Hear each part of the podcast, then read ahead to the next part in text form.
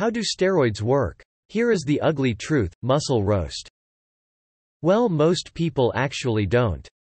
We know that they get you big and strong fast, but do we really know how steroids work? The answer is no. Nobody ever talks about how bodybuilding and steroids can kill you. Most people that even take steroids don't know how steroids work. They also don't they care how steroids work. They just want to get jacked fast. There is only one thing they have in mind and care about, and that's getting big. Getting big fast and having the least amount of side effects possible. Here is a video you should take a look at. How do steroids work? Take a good look at any bodybuilder who uses steroids and there is one certain conclusion that can be drawn about these drugs. They work. But knowing that steroids will pump you up isn't enough to ensure that using them will sculpt you into a male fitness model. Knowing the biological and chemical functions of how these steroids pump you up is an important step to safe and effective steroid use, if there is such a thing. Steroids, like all drugs, act by manipulating the levels of chemicals the body already produces. In the case of steroids, the chemical is the hormone testosterone. Testosterone is found in both men and women but it is far more prevalent in men. It is the hormone that gives men facial hair, deeper voices and, of course, larger muscles. When a user ingests steroids there are several processes that the body goes through. The first process, called absorption, deals with how the drug is administered. Steroids are either taken orally, in pill form, or intramuscularly by hypodermic needle. Oral steroids are ingested like food, through the stomach and small intestine. Acids in the stomach break down the pills and separate the testosterone from the carrier substances in the pill. The drugs are then carried through the small intestine and the liver before entering the bloodstream. Injecting steroids bypasses the digestive tract and puts the drug directly into the bloodstream. During the distribution process is when steroids begin their work. Distribution is just the drug moving through the body by way of the bloodstream. Testosterone, like all hormones, acts as a chemical messenger to the body.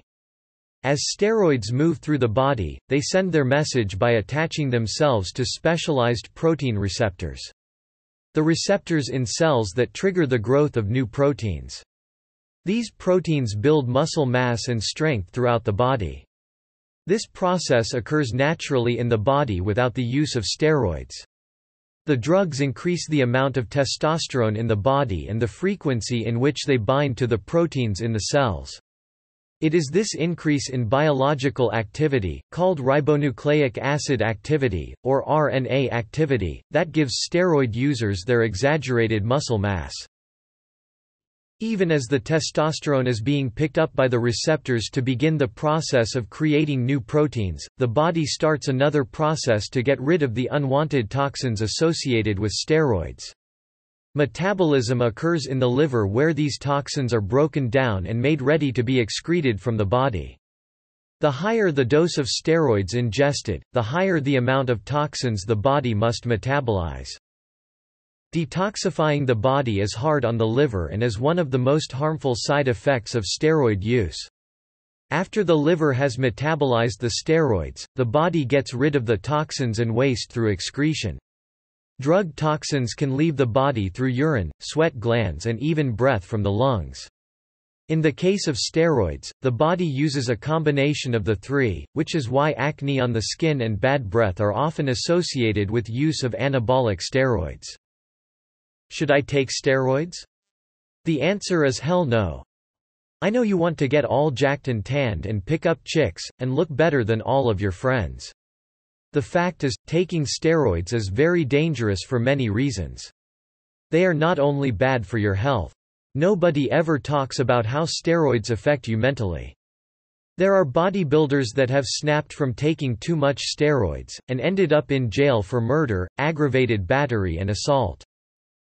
It totally changes your mental and physical state of mind.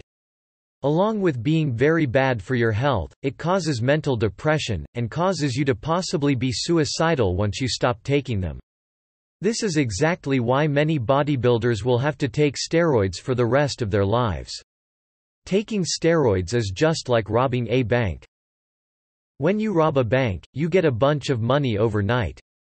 You can run around enjoying expensive things for a short amount of time, but shortly after, you have to pay for what you did and you will most likely go to jail.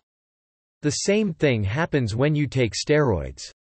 You will enjoy your muscular body for a short amount of time, but then you will have to pay the price. There is no quick fix for looking amazing and losing weight that does not carry severe consequences. I strongly suggest you realize that gaining muscle takes a long time and a lot of frequency and consistency. There is no easy way. You truly have to love working out in order to maintain a consistent pattern of working out for a long period of time. Most people are not patient, and want to look like the guy or girl in the magazine overnight without much effort. These are the people you will see walking around with bitch tits and acne.